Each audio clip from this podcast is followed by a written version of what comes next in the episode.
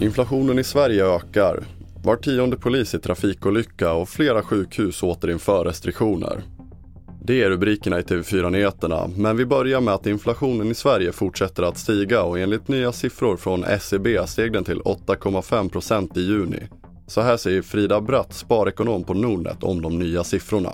Ja, men det är oerhört eh, tuffa siffror. Det är ju betydligt högre än vad man har eh, räknat med. Någonstans kring 8 procent var väl, eh, var väl vad man hade räknat med. Men nu är det här 8,5 så att det är ännu tuffare. Och eh, ja, frågan är om Riksbanken kan vänta till september med att höja räntan när de här siffrorna ser ut som de gör.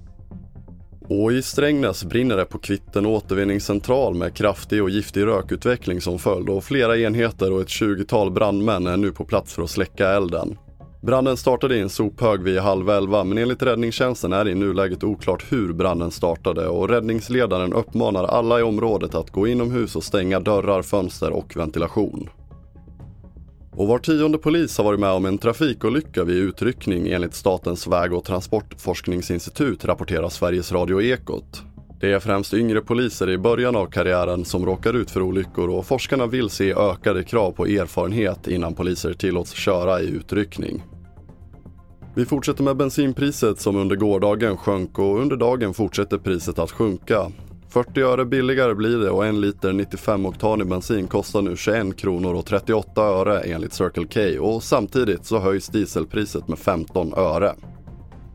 Och vi avslutar med att flera sjukhus återinför restriktioner för närstående besökare när spridningen av coronaviruset ökar.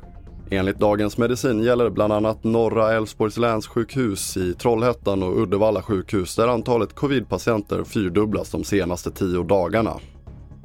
Fler nyheter hittar du på tv4.se. Jag heter André Meternan Persson.